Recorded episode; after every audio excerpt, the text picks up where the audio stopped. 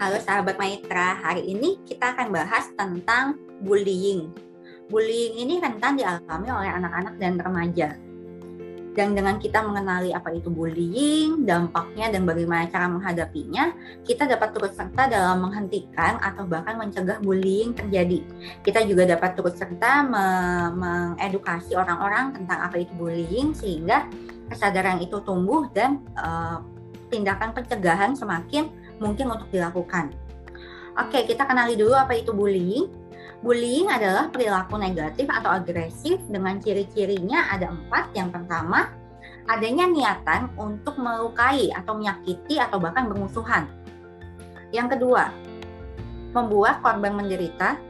Ketiga, dilakukan oleh seseorang atau sekelompok orang yang lebih berkuasa, lebih memiliki kekuatan kepada seseorang atau sekelompok orang yang lebih lemah lebih lemah dalam arti secara fisik lebih lemah atau secara status sosial lebih rendah atau secara jumlah kalau dalam kelompok gitu ya secara jumlah lebih sedikit. Kemudian ciri yang keempat dilakukan secara terus-menerus. Bullying memiliki dampak yang negatif, merusak dan bahkan merugikan baik kepada semua pihak. Dan dampak ini berdampak pada fisik maupun mental kalau kita kaji gitu ya dalam kejadian bullying sebenarnya ada pihak yang terlibat.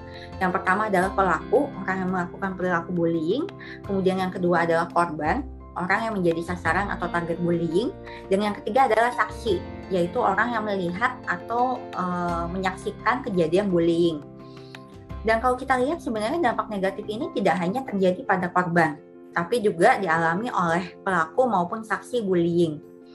Dan dampak bullying ini pun tidak tidak singkat atau sementara atau sebentar, tapi berlangsung lama bahkan sampai ke usia dewasa. Jadi remaja yang mengalami bullying yang terlibat dalam kejadian bullying, entah itu dia korban, pelaku maupun saksi, mengalami dampak negatif dalam jangka panjang dari masa remaja sampai dengan dia beranjak dewasa dan ketika dia sudah memasuki usia dewasa pun dia mengalami dampak negatif ini sehingga ketika dampak negatif ini tidak diatasi, tidak ditangani dengan baik, maka dampak negatif ini akan terus beranjak dialami oleh si pihak-pihak yang terlibat dalam bullying. Oke, pertama kita kenali dulu nih apa aja nih dampaknya. Pertama dampak pada korban bullying. Dampaknya adalah uh, si korban ini mengalami kecemasan, depresi, adanya pikiran atau keinginan untuk bunuh diri dan uh, sering kali kan bullying ini terjadi di sekolah sehingga si korban bullying cenderung tidak uh, sering tidak masuk ke sekolah karena dia ingin menghindari kejadian bullying ini. Prestasi sekolah menjadi turun, bahkan dia mengalami kesepian, kesendirian, dan adanya masalah kesehatan. Dan kalau kita lihat sendiri pada pelaku bullying gitu ya, apa sih dampaknya?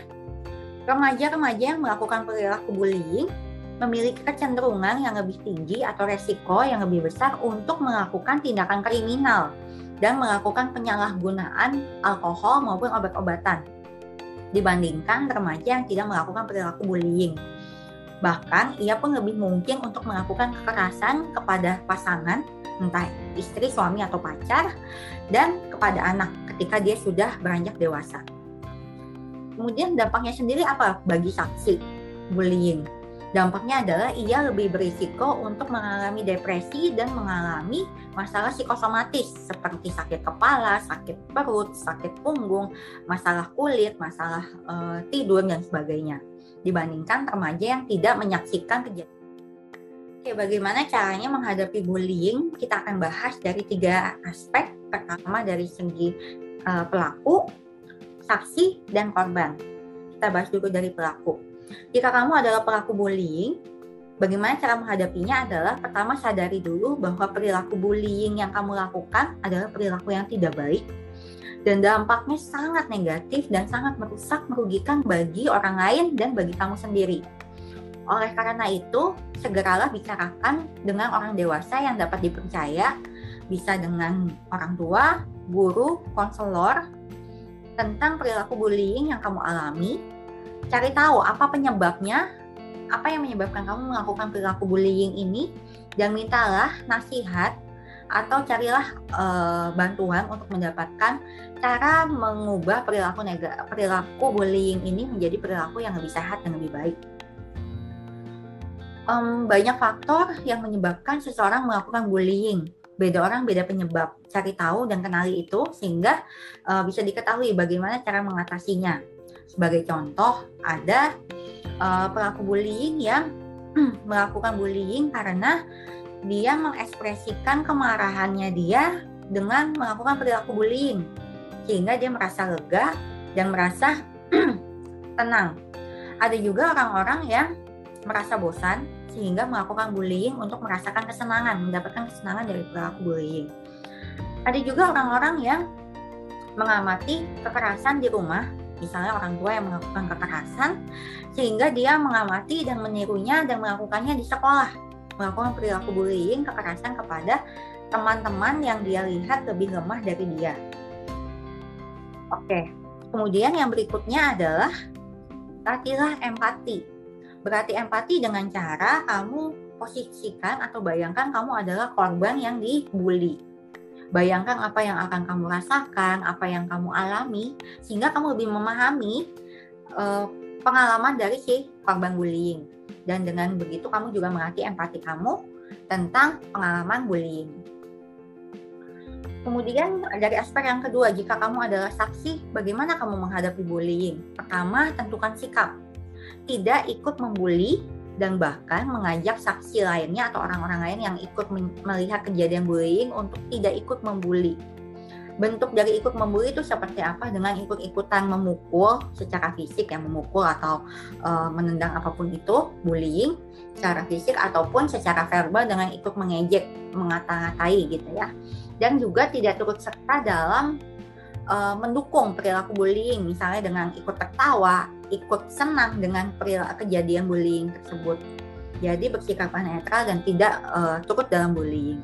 Yang kedua, pelajari cara untuk membela orang lain yang dibully. Dengan kamu sudah berarti tahu bagaimana untuk membela orang yang dibully, ketika kamu menghadapi situasinya, kamu siap, kamu tahu apa yang harus kamu lakukan. Yang ketiga, jika kamu merasa situasi cukup aman, bela dan lindungi korban bullying. Dan akan lebih baik jika kamu tidak sendiri dan mengajak beberapa orang. Yang keempat, alihkan topik bullying itu menjadi topik lain. Misalnya dengan uh, mencairkan suasana dengan humor atau mengganti topik sehingga uh, bullying ini teralihkan.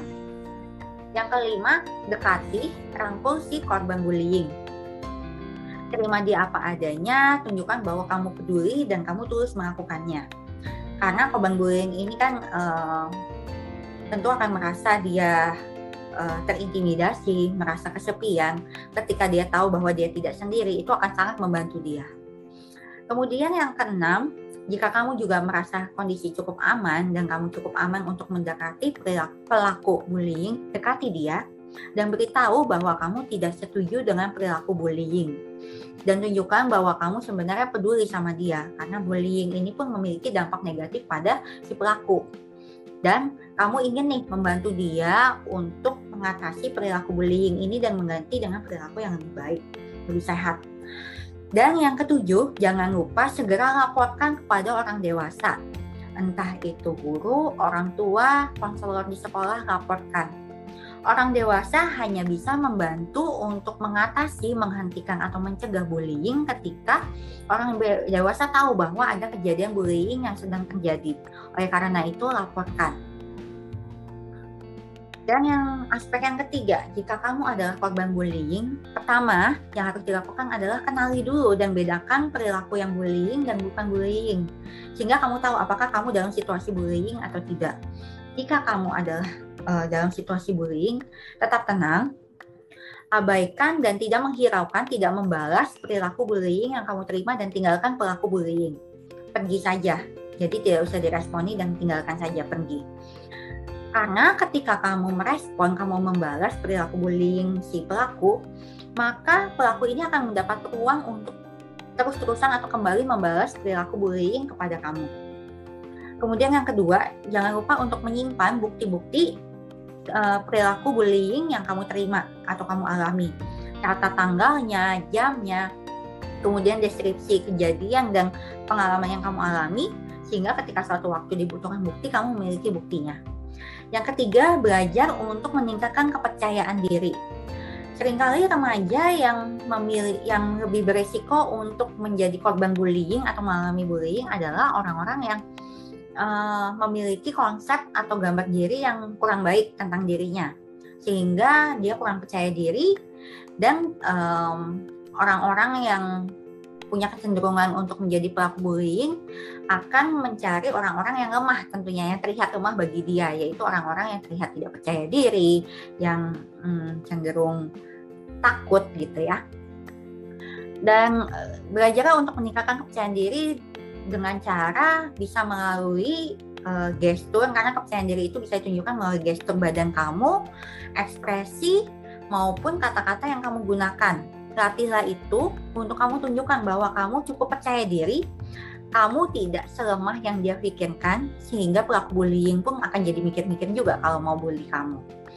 Kemudian yang keempat, jika kamu merasa tidak cukup nyaman dengan perilaku atau perkataan orang yang kamu terima, bisa kakaklah itu dengan orang dewasa yang kamu percaya.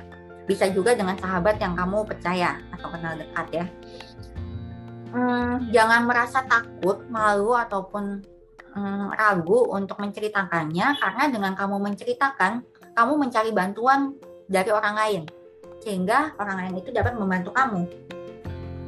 Yang kelima, jika kamu uh, ada dalam tahap kamu sudah uh, ada dalam tahap kamu ingin mengakhiri hidup, kamu udah mulai ada pikiran bunuh diri, kamu merasa tidak ada harapan, tidak berdaya, segeralah cari bantuan jangan uh, menahan itu sendiri, segera cari bantuan. Kamu bisa menghubungi konselor, orang tua, psikolog, ataupun guru kamu. Ceritakan dan carilah bantuan. Demikian sharing bullyingnya. Jadi jika kamu mengalami bullying, dengarkan baik-baik, kamu itu tidak salah. Kamu tidak melakukan kesalahan yang membuat kamu layak untuk diperlakukan dengan tidak baik. Kamu adalah orang yang layak untuk mendapatkan perlakuan yang baik yang yang diperlakukan dengan hormat. Walaupun mungkin saat ini kamu merasa takut, merasa malu untuk menceritakan perlakuan teman kamu yang tidak baik kepada kamu, jangan ragu.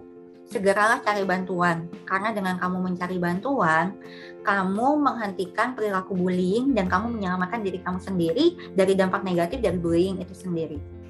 Sayangi diri kamu, hentikan bullying dari sekarang dan dari kamu. Terima kasih sahabat.